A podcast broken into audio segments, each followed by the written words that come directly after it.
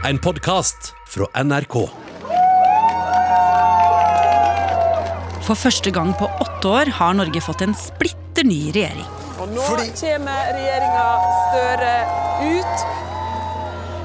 Og på Slottsplassen på torsdag 14. oktober sto en fornøyd Støre sammen med sine håndplukkede statsråder og smilte til TV-kameraer og folkemengden som hadde møtt opp, med en ny politikk i dokumentmappa. Men i forkant av dette gikk det i ukevis i hemmelige forhandlinger med interne dragkamper og et statsrådspuslespill uten like. Hvordan ble akkurat denne regjeringa til? Og hvor har den tenkt å ta oss? Du hører på Oppdatert. Jeg heter Ragna Nordenborg. Torsdag 30. september så var det bare Jonas Gahr Støre og Trygve Slagsvold Vedum igjen på Hurdalssjøen hotell. Lilla Sølhusvik er politisk journalist i NRK. Da hadde altså SV pakka sakene sine og dratt hjem. De ville ikke være med noe mer på sånne regjeringssonderinger. Eh, De syntes ikke de fikk nok ut av det.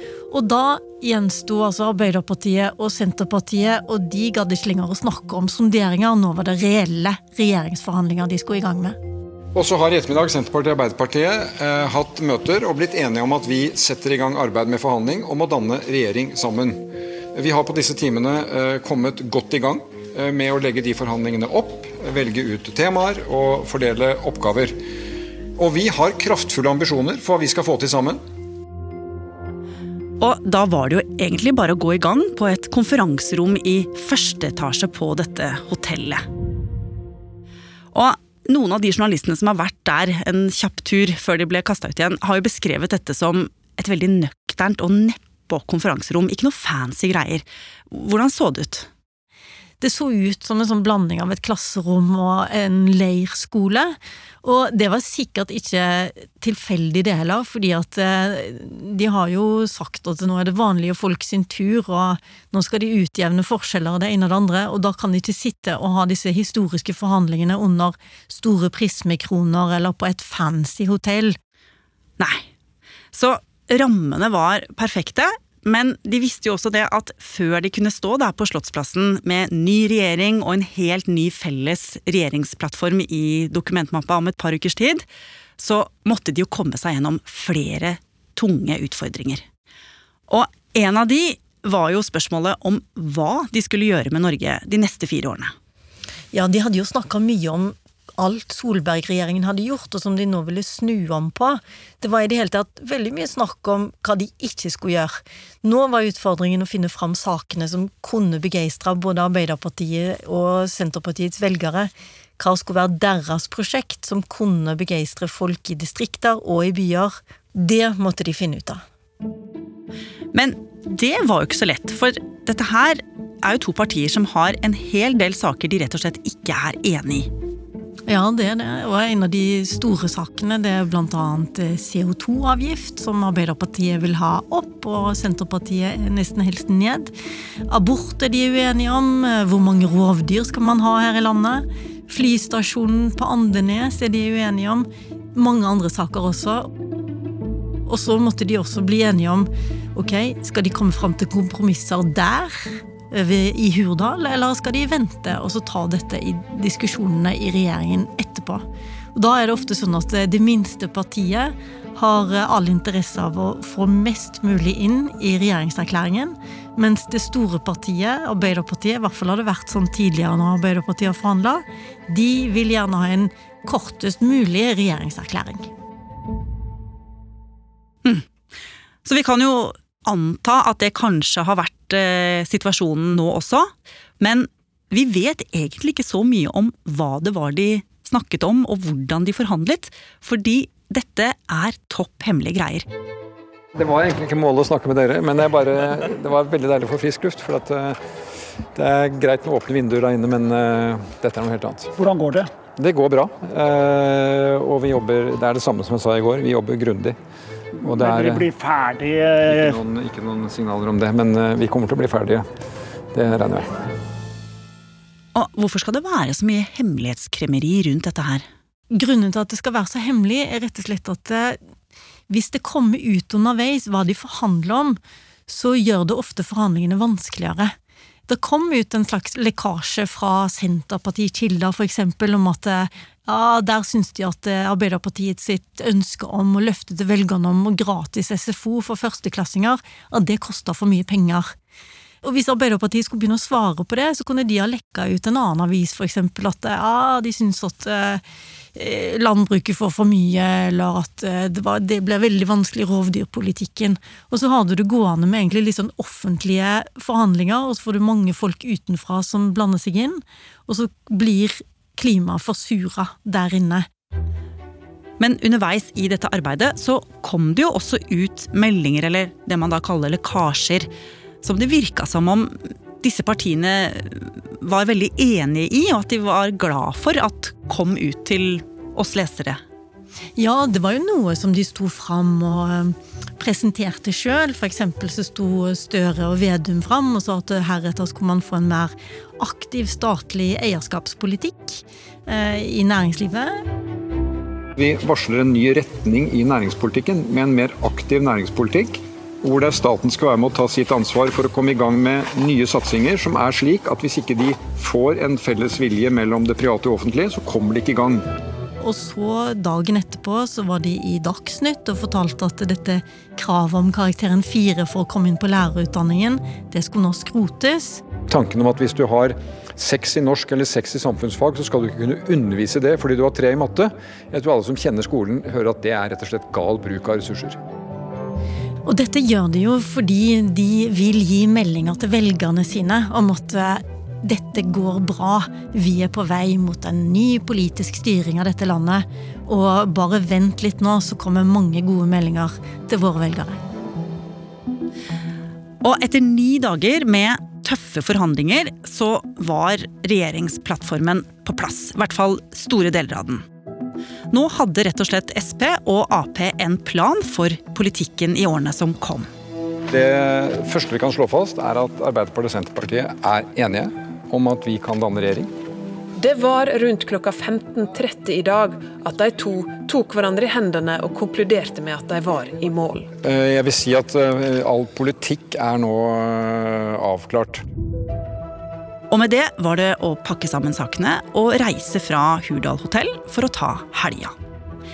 Vedum skulle konfirmere dattera si. På mandag åpna Stortinget. Tirsdag dro Erna til kongen for å levere avskjedssøknad, som man jo gjør når man går av som statsminister. Jeg tenker at jeg er takknemlig for at jeg har fått lov å styre Norge i åtte år. Det er det få som er forunt. Og like etter var det Støres tur til å besøke kongen for å be om å danne ny regjering. Jonas Gahr Støre fikk oppdraget av kongen om å danne ny regjering. På torsdag blir han Norges neste statsminister. Men samtidig som alt dette her foregikk, så var det jo en annen stor oppgave som Støre og Vedum dreiv og tenkte på. For hvem skulle være med i denne regjeringen? Og Lilla, man kunne kanskje tro at det bare var å hente de beste folka med den lengste CV-en, og så var det i orden. Men så enkelt er det ikke. Nei, det er jo ikke det. Regjeringen skal gjenspeile hele landet. Det bør ikke være for mange menn, det er det vel egentlig slutt på nå, men kanskje ikke for mange damer heller. Det skal man passe på. Og så bør man helst ha litt mangfold, noen med en litt annen bakgrunn enn alle andre. Den type ting må tas hensyn til, og dessuten veldig viktig.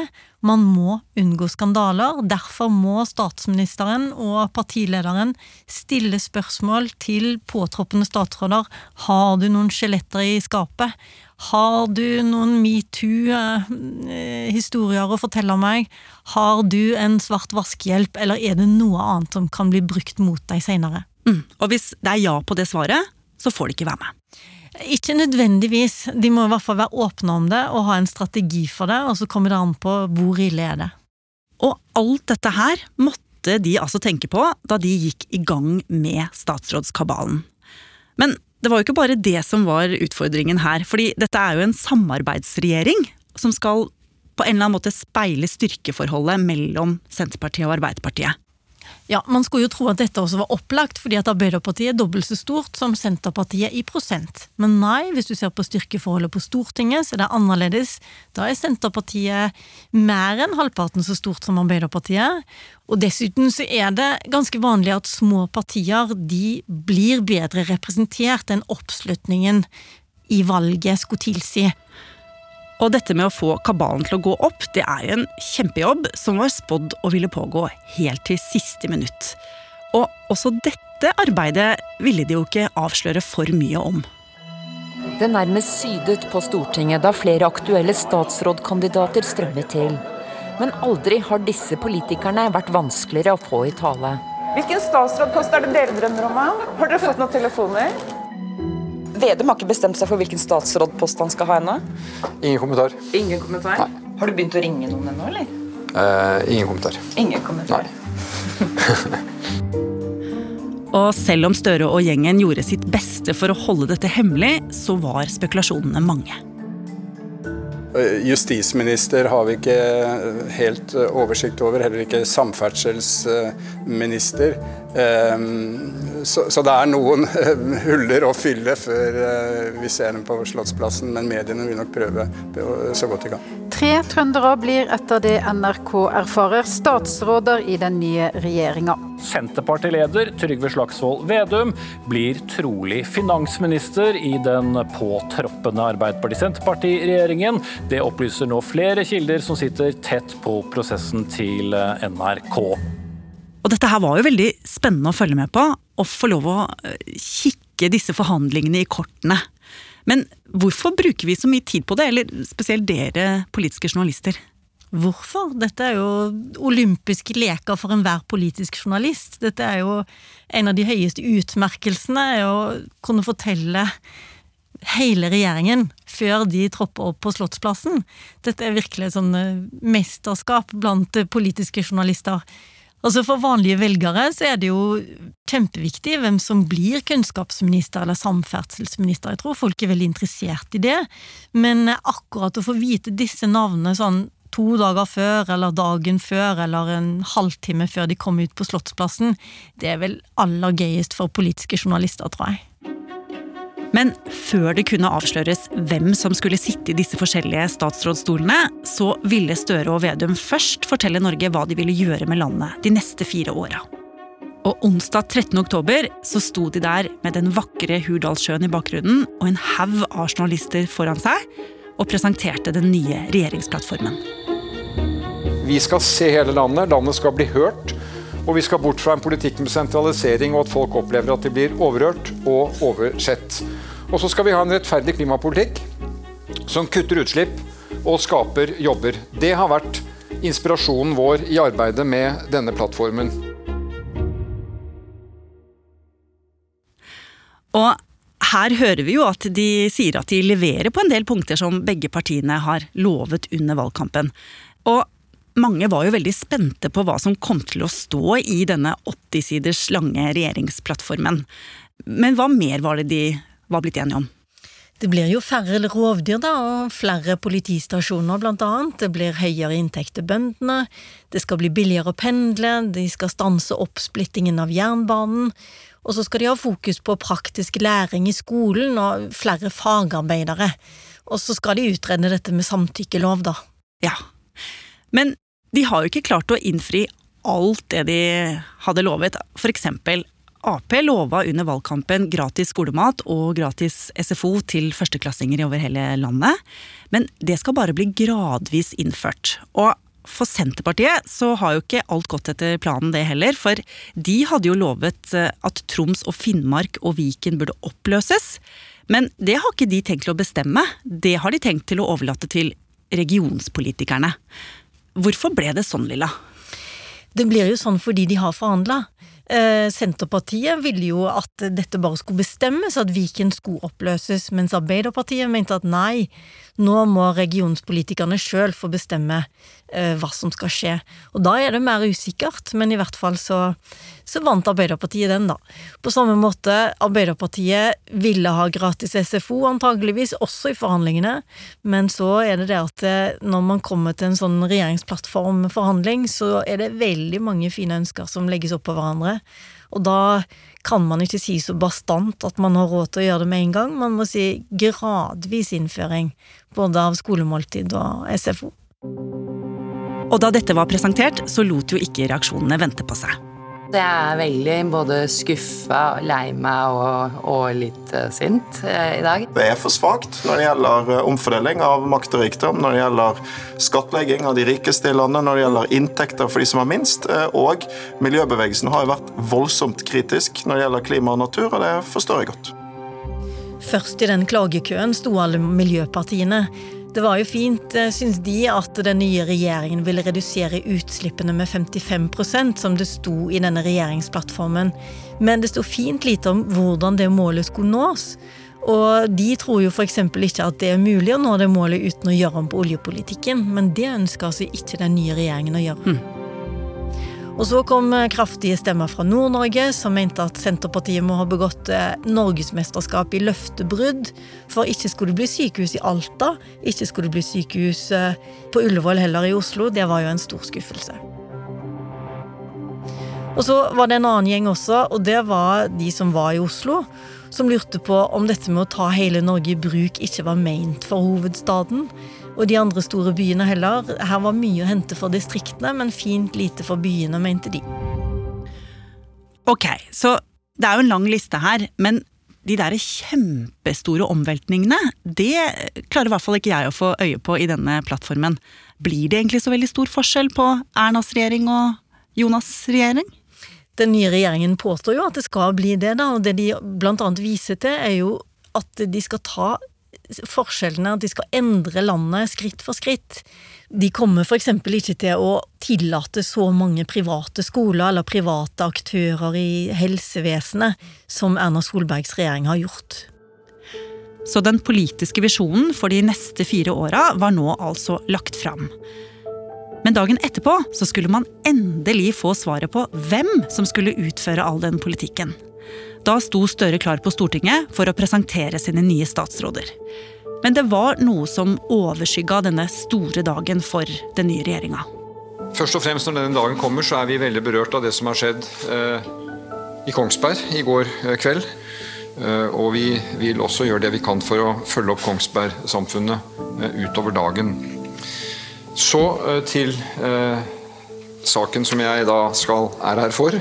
Jeg har vært hos Hans Majestet Kongen eh, i dag tidlig og gitt han en oversikt over statsrådene i den regjeringen som har tiltrådt. Så, en stund etter, foran en haug med tilskuere med flagg og plakater i hendene, kunne han stolt presentere sin nye regjering foran Slottet.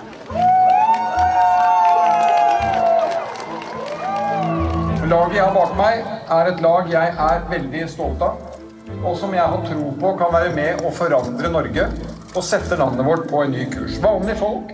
Og bak Støre på Slottsplassen så var det jo mange kjente fjes. Annet Anniken Huitfeldt, som sto der i en rød blazer med denne blonde boben hun alltid har. Og hun har jo vært statsråd for Arbeiderpartiet før. Men nå hadde hun altså fått i oppgave å sørge for å bidra til at Norge har gode internasjonale relasjoner i tida framover. Som utenriksminister. Og det er jo også en litt gøyal jobb. Det er jo kanskje den statsråden som får møte masse spennende politikere fra hele verden. Så det er ved å bygge på det beste vi har, viljen til å stå sammen, beholde små forskjeller, stole på hverandre, se hverandre, at vi kan nå våre mål. Og litt lenger bort så sto det jo nok en dame med lys bob fra Arbeiderpartiet. Ingvild Kjerkol. Hun hadde fått den nye jobben som helse- og omsorgsminister. Og hun har aldri vært statsråd før, men nå hadde hun altså fått en av de viktigste og kanskje mest beinharde statsrådspostene. Hva står på spill for henne nå, Lilla? For det første så må jeg jo få denne pandemien i havn. Eh, den er jo ikke over ennå, eh, verken i Norge eller i resten av verden, så det blir viktig. Og så kommer hun til å få et kjempeproblem med Ullevål sykehus som skal legges ned, for der er mange i Arbeiderpartiet eh, uenige, ikke minst eh, i Oslo Arbeiderparti. Og hele Senterpartiet er uenig også, selv om jeg er litt usikker på hvor mye de kommer til å legge vekt på akkurat den saken. Det de er opptatt av, det er jo eksempel at det burde vært et sykehus i Alta, som nå ikke kommer. Og så kommer det helt sikkert til å komme opp nye sånne fødestuer rundt omkring i landet som er trua, og som kanskje eh, Ingvild Kjerkol vil si at eh, nei, sikkerheten er ikke god nok, fordi at det er ikke nok fagfolk som vil jobbe her. Mens Senterpartiet vil være utrolig opptatt av at fødetilbud er nært nok der folk bor. Mm. Så hun må både balansere dette innad i regjeringen, samtidig som hun risikerer å bli veldig upopulær. Det gjør alle helseministre. Jeg tror eh, Bent Høie har vært et unntak der, og det er jo blant annet fordi at denne pandemien kom, og det har gått ganske bra, tross alt. Jeg har et spennende lag. I denne regjeringen så har vi bonden og bedriftslederen. Vi har bygd og by. Og vi har Brann og Bodø-Glimt og alt imellom. Og så var det jo han som hadde fått favorittstatsrådsposten til Senterpartiet, da. Kommunal- og distriktsministerposten. Den hadde tidligere sjef for Kommunenes Sentralforbund, Bjørn Arild Gram, fått. Og han sto jo og så ganske fornøyd ut i den svarte dressen sin og de avlange brillene på nesa. Men det er jo virkelig kjernedepartementet til Senterpartiet, dette her. Så han kommer jo kanskje mange til å følge veldig nøye med på. Hvordan skal det gå med han? Nei, han er jo selveste bukken som har fått havresekken i fanget.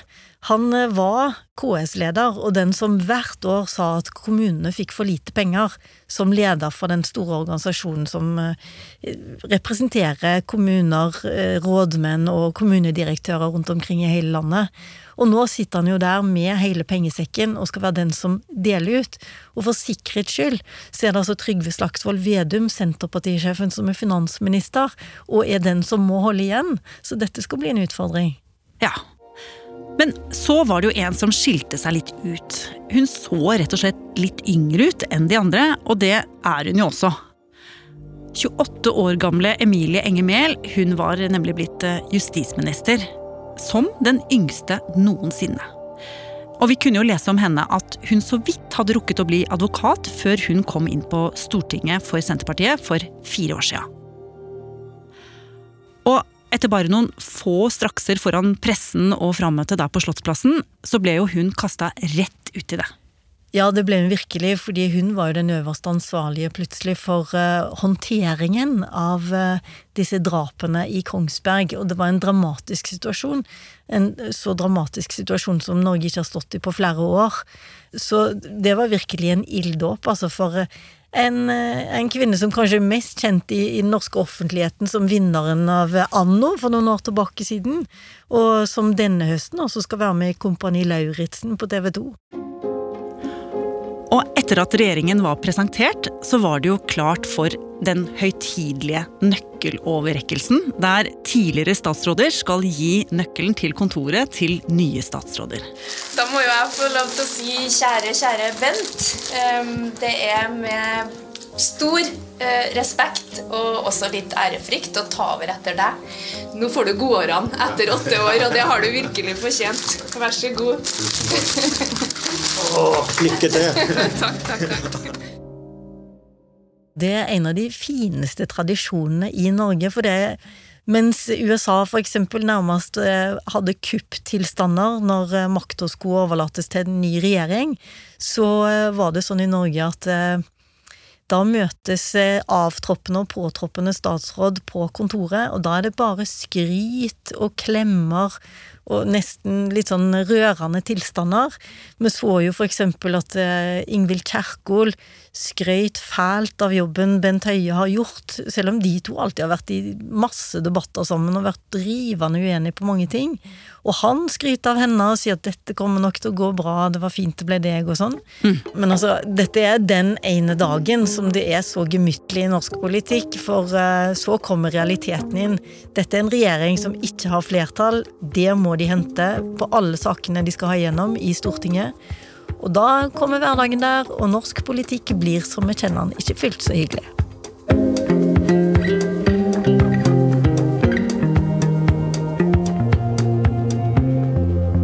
Har du lyst til å bli fast lytter av oss i Oppdatert og få påminnelse om nye episoder, er det bare å følge oss i NRK radioappen.